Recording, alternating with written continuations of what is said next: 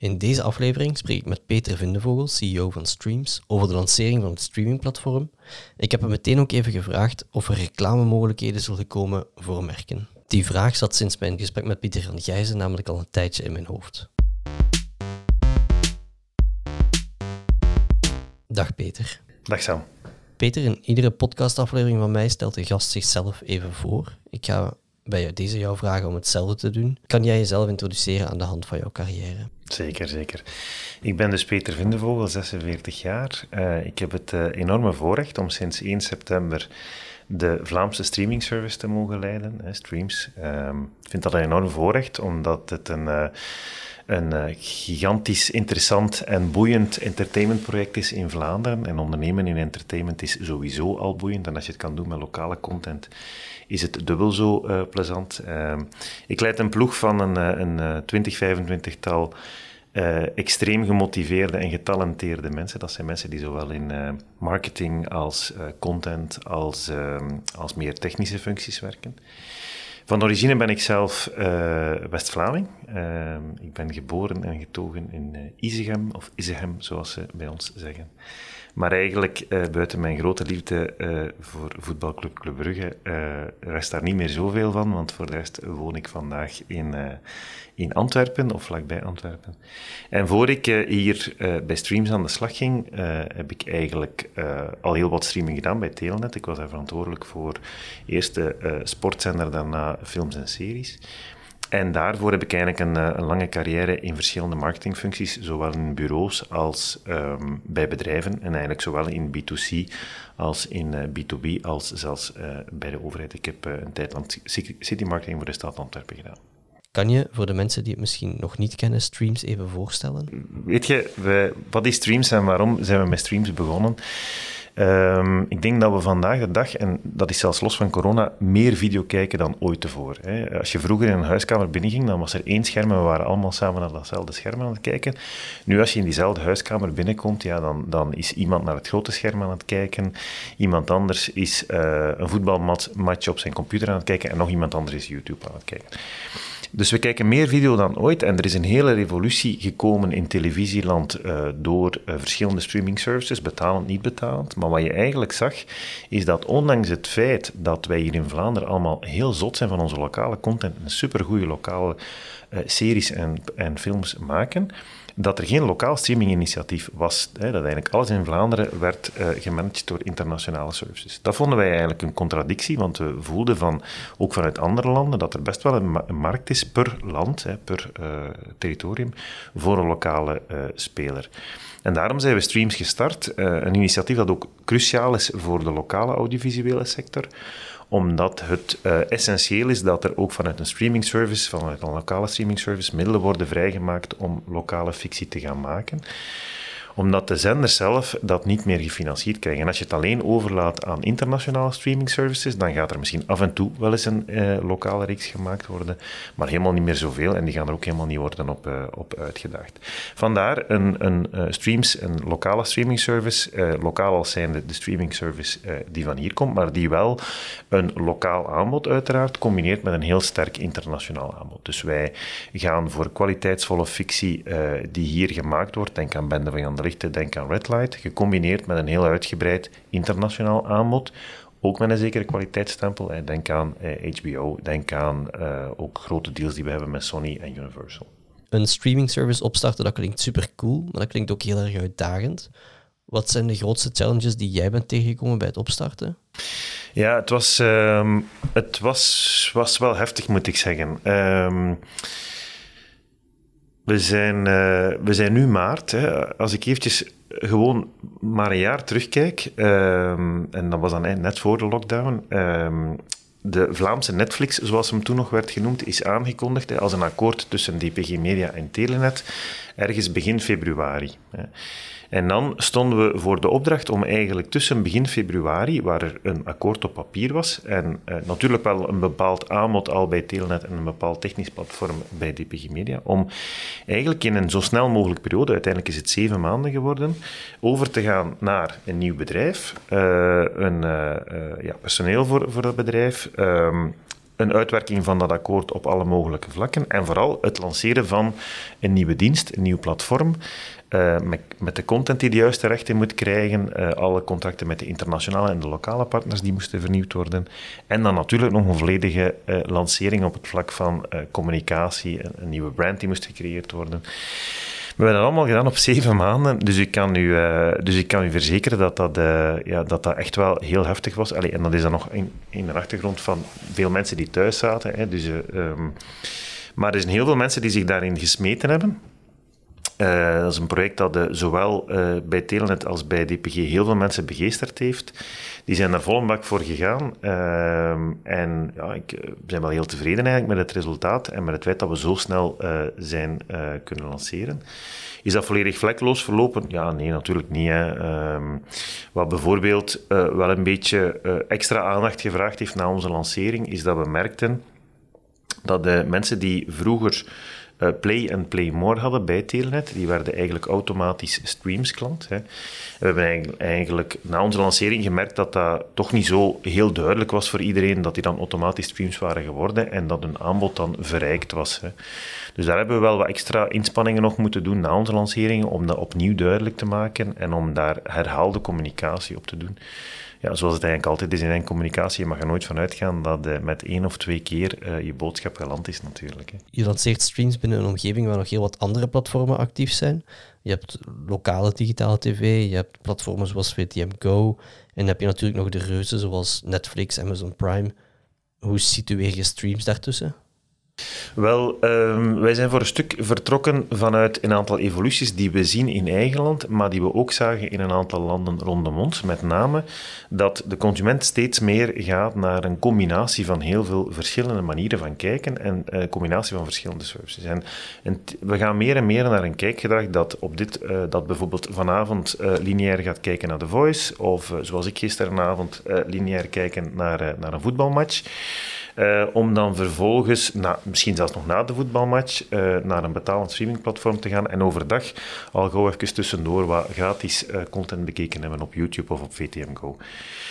dus de consument gaat meer en meer combineren en, um, en we zien ook dat families eigenlijk meer en meer diensten combineren en ook betalende diensten combineren. Dat is iets wat we al zagen in het buitenland. Hè. In de Scandinavische landen zit men makkelijk aan een, een drie, viertal betalende streaming services die men combineert. In België hebben we eigenlijk uh, vorig jaar, uh, uit, blijkt uit onderzoek, ook al een evolutie gekend. Hè. Men heeft eigenlijk gemeten hoeveel streaming services er gemiddeld per huishouden waren in, uh, in Vlaanderen, um, of in België denk ik is het, um, in maart. En men heeft dat opnieuw gemeten in december. In maart waren het er gemiddeld nog 1,3, 1,4. In december waren het er, ik dacht 1,9, dus allee, afgerond twee services per gezin. Dus je ziet dat, dat dat zich effectief aan het realiseren is, dat men uh, verschillende diensten gaat combineren. En typisch, dat zien we in het buitenland, gaat men dan uh, een één of meerdere internationale services combineren met één lokale, lokale betalende dienst. En die lokale betalende dienst, die willen wij zijn in Vlaanderen. VTM Go, GoPlay, VRT Nu, zijn dat dan concurrenten of zijn dat eerder partners? Dat is een goede vraag in de zin van, um, het is cruciaal in, ons, uh, in, ons, in onze lokale sector dat wij met elkaar samenwerken. Dus ik heb daar straks gesproken over gezinnen die verschillende services gaan combineren en dat meestal een aantal internationale services combineren met een lokale dienst. Maar er is maar plaats voor één lokale betalende streamingdienst. En dat, dat is de reden waarom eh, DPG Media en Telenet de handen in elkaar geslagen hebben om deze dienst te maken. Omdat het uh, totaal geen zin heeft dat we in de lokale markt elkaar ook nog eens gaan beconcurreren. En um, als er één ding in het hart zit uh, en in het DNA zit van streams, dan is het samenwerken en partnerships. Wij zijn ontstaan uit een uh, samenwerking tussen twee heel grote mediabedrijven. En wij doen eigenlijk niks anders dan elke dag opnieuw partnerships met verschillende bedrijven of, of, of partijen afsluiten. Op één dag is dat een partnership met een productiehuis om samen te investeren in een nieuwe titel.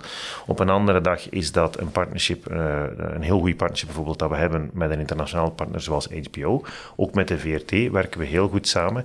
En dan vind je wel manieren om eigenlijk die, uh, die, die verschillende zaken te laten samengaan. Ook met Kinepolis bijvoorbeeld werken we, werken we samen. En wie is op internationaal vlak eigenlijk de grote concurrent? Ja, ik spreek niet graag over concurrenten in de zin van dat we zien uh, dat, we, um, dat we heel complementair zijn aan een aantal internationale diensten.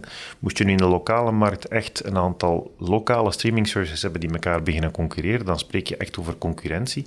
Maar ons aanbod is zo opgebouwd dat we eigenlijk heel complementair zijn aan uh, Netflix of Disney. Hè. Net omdat we die unieke combinatie hebben van een internationaal aanbod en... Um, en een lokaal aanbod. Dus wij geloven heel sterk dat mensen absoluut uh, gaan blijven uh, Netflix en Disney combineren met die lokale service. Vooral ook omdat we dat internationaal aanbod combineren met een heel uitgebreid lokaal aanbod, zowel uh, nieuwe lokale titels die we produceren, als een heel uitgebreide bibliotheek van ja, noem ze maar evergreens. Hè. Dus uh, bekende lokale titels die misschien al wel eens op televisie geweest zijn, maar die mensen nog graag terugzien. Hè. Denk aan de, aan de, de series van uh, Woestijnvis, denk aan FC de Kampioenen, uh, dat type van zaak. Ik ben ook zeer benieuwd naar de, de doelgroep van streams. Op wie focussen jullie nu eigenlijk?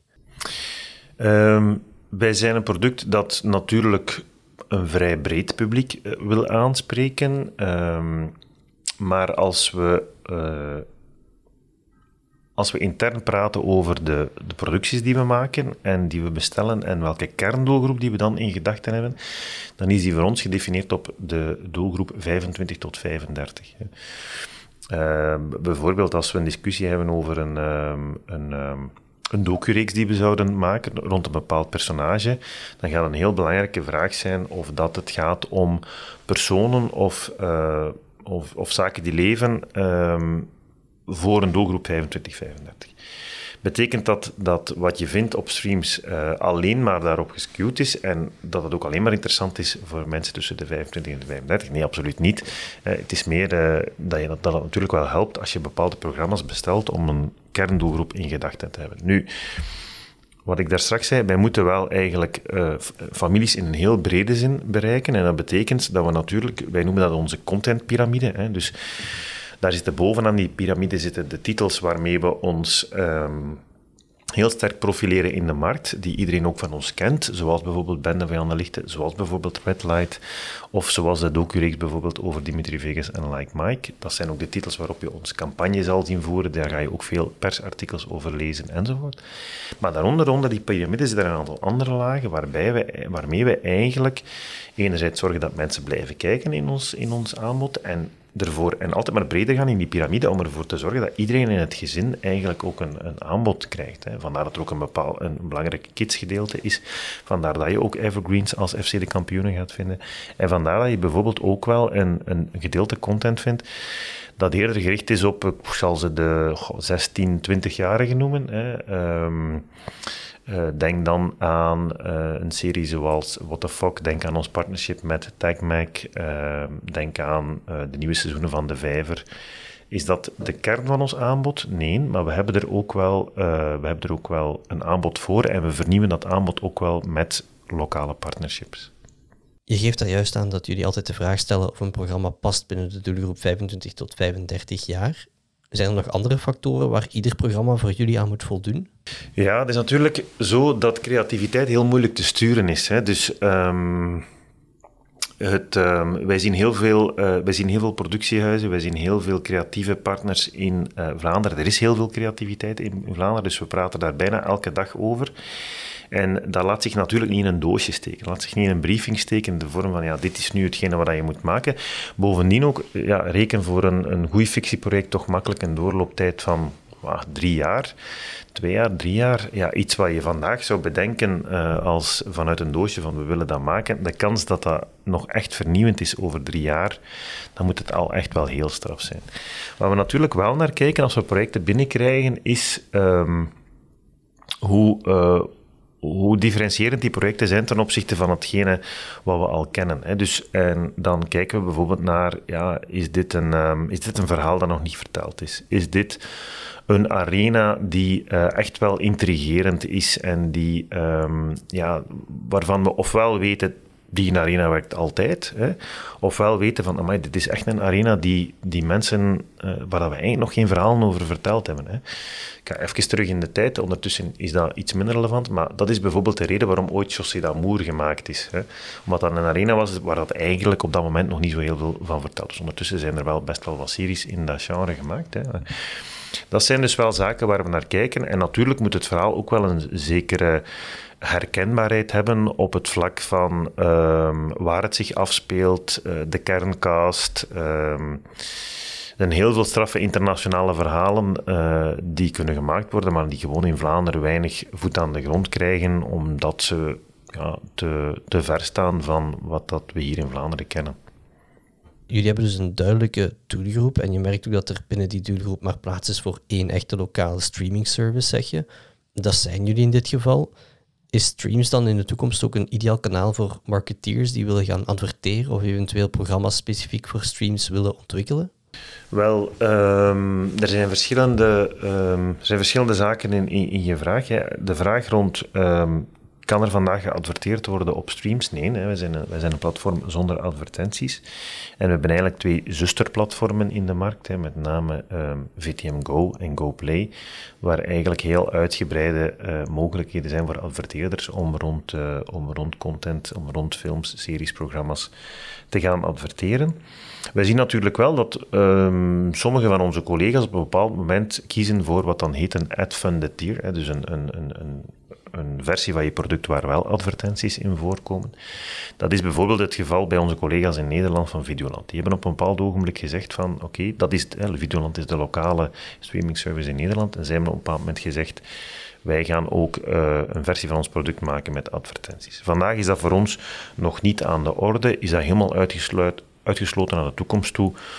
Nee, maar we hebben daar nog vandaag niet echt concrete uh, plannen voor. Op vandaag is dat niet deel van ons businessplan. Nee.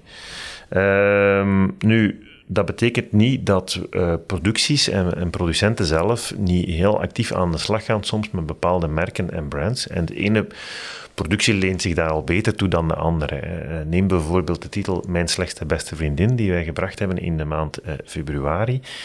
Uh, een heel uh, lichte, um, ja, sommigen hebben het de Sex in the City van Vlaanderen genoemd, maar de makers waren het daar niet helemaal mee eens. Maar om het even een beetje te kaderen, voor de mensen die het niet zouden kennen. Nu, dat is een reeks waar bijvoorbeeld heel veel wijn in wordt gedronken, hè, wat natuurlijk meteen al heel veel mogelijkheden geeft richting, richting partnerships. Hè. Um, echt merken die content brieven bij productiehuizen, die dan ook content zou zijn, film en serie die echt goed is voor ons platform. Ik sluit dat niet uit, uh, maar dan gaat het toch wel in de eerste plaats een goed verhaal en een goed fictieproject moeten zijn. Uh, en dat, ja, dat staat soms een beetje in de weg met wat dat merken ermee willen doen. Maar je ziet wel dat, dat daar ook wel de meest de meest vooruitstrevende merken gaan daar wel heel ver in uh, de dag van vandaag. Dus het is voor ons zeker geen, um, het is voor ons zeker geen, geen rem. Het is ook geen must. Hè. Um, je ziet bijvoorbeeld ook dat in de uh, ik heb het daar straks gehad over, over de programma's die worden gemaakt voor eerder 16 tot 20-jarigen en dat we een goed partnership hebben met de mensen van uh, TagMac bijvoorbeeld. Je ziet daar dat in dat type van programma's dat gemaakt wordt, dat type van series dat gemaakt wordt, dat de link tussen het, uh, de inhoud van het programma en het personage, die vaak een influencer is, veel nauwer is. En dat dus de, uh, de hele uh, link tussen de, het programma, de content enerzijds en de vermarkting van die content veel nauwer met elkaar verbonden zijn. Vaak ook net doordat, dat, uh, uh, doordat het influencers zijn zoals een Jamie Lee Six die daar een belangrijke rol in spelen. En dan kom je natuurlijk wel al heel dicht bij het domein waar dat ook voor adverteerders interessant kan zijn. Je ziet ook daar weer dat ze in Nederland daar ook alweer een stapje verder zijn. daar hebben ze bijvoorbeeld met meisje Jamila, de bekende YouTubester, uh, ondertussen al twee Misfit-films uh, gemaakt en nu komt er ook een Misfit-serie. Uh, en dan zie je dus dat eigenlijk het domein van, van influencing, wat dan toch een vorm van advertising is, eigenlijk een domein van, van, van, van content van een serie wordt. Ja, je kan influencers eigenlijk bijna niet loskoppelen van die brands waarvoor dat ze werken. Het lijkt me ook heel moeilijk om dan programma's met influencers te maken zonder op een of andere manier een toch aan reclame te laten doen. Ja, klopt. En we zien dat dat, dat, dat type van personages dat dat ook belangrijk wordt voor ons. En, misschien een, een, voorbeeld van niet zo uh, dicht bij de deur. Ehm, er is een serie op HBO die heet Insecure. Um, daar is de hoofdrolspeelster uh, een zekere Issa Rae. Issa Rae is iemand die uh, het eerst helemaal op eigen kracht gemaakt heeft op YouTube, vanuit de Bronx van LA. en dan opgepikt is door HBO en nu een grote ster is van HBO. Maar dus je ziet dat die link tussen influencing, YouTube en dan echt het, het, het echte maken van fictie, dat die, dat die altijd maar nauwer wordt eigenlijk. Je bent als CEO de uitdaging aangegaan om streams in de markt te zetten. Hoe loopt dat tot nu toe? Zijn jullie eigenlijk op schema? Ja, we zijn eigenlijk heel blij over onze eerste maanden. Uh, we, zijn, uh, we zijn met een vliegende vaart gestart. Uh, we hebben heel veel nieuwe abonnees uh, aangetrokken. Ehm, en we krijgen heel veel positieve feedback eigenlijk van onze klanten. Rond, rond de stijl, rond het aanbod. We zien ook dat er veel gekeken wordt. Um, maar belangrijk is misschien, wij hebben, uh, we're, in in this for the long run, uh, zoals soms wordt gezegd. Hè. Dus we zijn hier om, um, we, we, hebben een project op lange termijn. We hebben een businessplan dat gemaakt is op vijf jaar. Hè. In, in, in, streaming kun je geen businessplan maken op een jaar. Hè. Dus we hebben een businessplan gemaakt op vijf jaar en we hebben een, een mooie ambitie om gedurende die vijf jaar continu verder te groeien en te evolueren. Zowel in, in, in um, subscribers, in abonnees, als in aanbod, uh, als in onze rol in de markt eigenlijk. Hè. En uiteindelijk is het onze bedoeling om, uh, het project is geslaagd als we, er, als we uh, voldoende Vlamingen eigenlijk kunnen overtuigen om, die, uh, om binnen hun aanbod van streaming services ook die lokale streaming service te nemen, zodanig dat zij eigenlijk ehm, blijven het lokale ecosysteem, de lokale audiovisuele sector, op die manier blijven ondersteunen. En op die manier kunnen wij weer terug gaan investeren in die lokale fictie, uh, waar iedereen zo hard van houdt. En die bovendien, en daar moeten we niet te uh, bescheiden in zijn, uh, die bovendien ook echt goed is, ook op internationaal vlak. Hè. we vergeten dat soms, maar we hebben echt straffe makers, we hebben straffe, ehm, acteurs, straffe producenten. En onze fictie heeft echt wel het potentieel om internationaal te reizen. Bende van de Lichten heeft het internationaal ook goed gedaan. Uh, de dag is uh, heel veel verkocht in het buitenland. Red Light heeft ook dat potentieel. Dus wij zijn echt wel in staat om in Vlaanderen zaken te maken die, uh, waar we allemaal samen trots van zijn en samen naar kijken. Maar bovendien, en dat is ook een van de doelstellingen van streams, die het potentieel hebben om het ook internationaal te maken. Wanneer is het project voor jou eigenlijk persoonlijk geslaagd, Peter? Wel, um, er is natuurlijk het, slagen van het project zelf, uh, het, het, bedrijf, en dat vind ik zelf ook heel belangrijk. Um, en tegelijkertijd um, staat Streams niet alleen voor een dienst, maar ook voor uh, op dit moment een groep van 20, 25 mensen. En voor mij is het project uiteraard ook geslaagd als die mensen uh, zelf ook heel veel voldoening halen uit wat ze elke dag hier aan het doen zijn. En vooral ook heel sterk kunnen groeien in wat dat ze vandaag aan het doen zijn. En ze zijn allemaal toppers al in wat dat ze doen. Uh, maar als ze nog beter worden, dat is eigenlijk uh, ook een belangrijk deel van mijn persoonlijke voldoening. Ik ga door naar mijn afsluitende vragen en die zijn voor iedere gast zowat hetzelfde. De eerste vraag is, wat is volgens jou de beste campagne van de afgelopen jaren? Ja, um, natuurlijk, eigen lof stinkt een beetje, maar ik ga het toch doen. Uh, eigenlijk is voor mij uh, een van de beste campagnes van de voorbije jaren uh, het fictieproject What the Fuck geweest. Net omwille van het feit dat we erin geslaagd zijn om een fictiereeks te maken waar uh, een half miljoen jongeren is beginnen naar kijken, zonder dat we daar enige campagne voor gedaan hebben. Uh, de crux van de hele marketing approach was net dat het niet keihard werd gepromoot, als campagne, maar dat we uh, het heel zachtjes aan hebben laten groeien van onderuit, vanuit de sterkte van het script, vanuit de manier waarop het verhaal werd verteld. En ja, uiteraard hebben we wel her en der ook wel wat aan influencing gedaan, hè, maar dat was voor mij toch wel een... een Hey, dat is, dat is een, beetje misschien een atypisch voorbeeld, maar ook wel een heel mooi voorbeeld van hoe uh, marketing en communicatie vandaag de dag eigenlijk uh, moet evolueren en eigenlijk ook wel soms een totaal andere approach heel goed kan werken als hij heel goed uh, nagedacht is. Als er heel goed over nagedacht is. Dus de beste campagne was volgens jou eigenlijk geen campagne?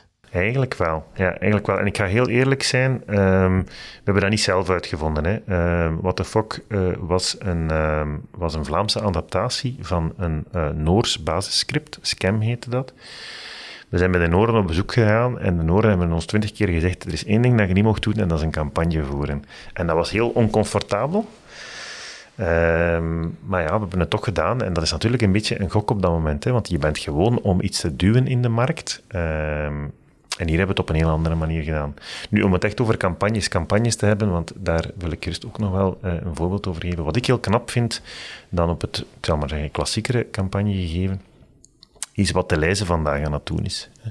En hoe de Leize zich eigenlijk als total brand aan het positioneren is op heel het domein van uh, alles wat met voeding te maken heeft. Uh, en dat vind ik eigenlijk uh, mooi, omdat het een, een mooi geïntegreerd verhaal is, waar je niet alleen dingen aan het vertellen bent, maar ook dingen aan het doen bent. Hè. En tot en met eigenlijk ook waar je voor staat als, als brand en wat je rol is van, van als brand in het leven van elke dag. En dat vind ik eigenlijk bij, bij de lijzen vandaag de dag wel heel mooi, mooi uitgewerkt.